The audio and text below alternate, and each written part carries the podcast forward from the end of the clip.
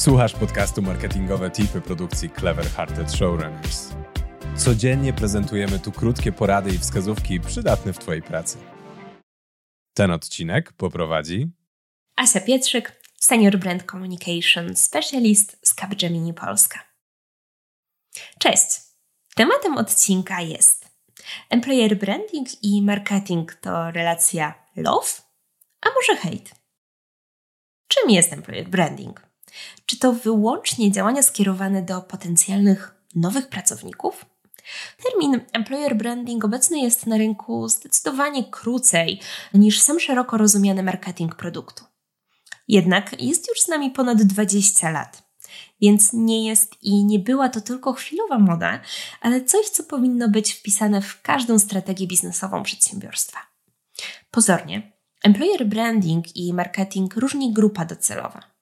W marketingu myślimy o klientach, osobach potencjalnie zainteresowanych naszymi produktami. Natomiast działania employer brandingowe skierowane są do kandydatów oraz obecnych i byłych pracowników przedsiębiorstwa. Więc już od podstaw naszych działań możemy zauważyć spore różnice. Ale czy na pewno? Może właśnie marketing i employer branding do osiągnięcia najlepszych efektów dla naszej firmy powinny ze sobą ściśle współpracować. No cóż, przyjrzyjmy się temu bliżej.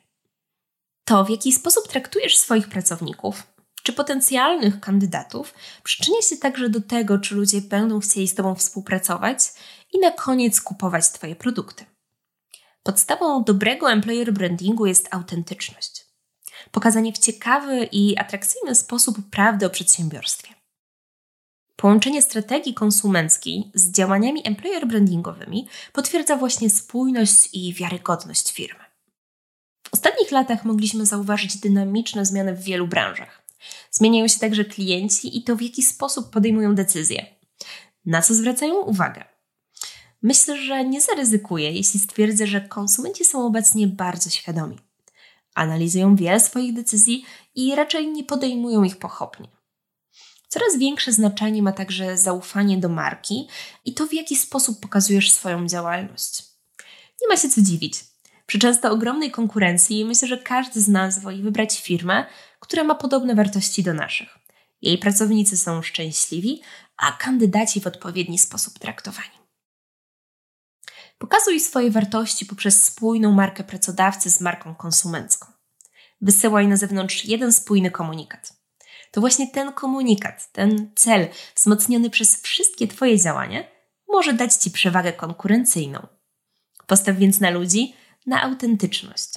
Oddaj głos swoim pracownikom. Zatrosz się ich doświadczenie w Twojej firmie. Zadbaj o synergię i współpracę marketingu z HR-ami, a Twoja marka na pewno na tym nie ucierpi. O tym, co jest ważne w employer brandingu i w jaki sposób kierować nasze działania, usłyszysz w kolejnych odcinkach. Na koniec chciałabym zaprosić Cię do subskrybowania podcastów Capgemini Polska w Spotify czy innych aplikacjach do słuchania podcastów. Jest to przykład jednego z wielu działań employer brandingowych firmy. Link znajdziesz w opisie tego odcinka. Na dzisiaj to tyle. Wielkie dzięki i do usłyszenia. Dzięki za wysłuchanie dzisiejszego odcinka. Zachęcamy do subskrybowania naszego podcastu w Spotify, Apple Podcasts lub Twojej ulubionej aplikacji do słuchania podcastów.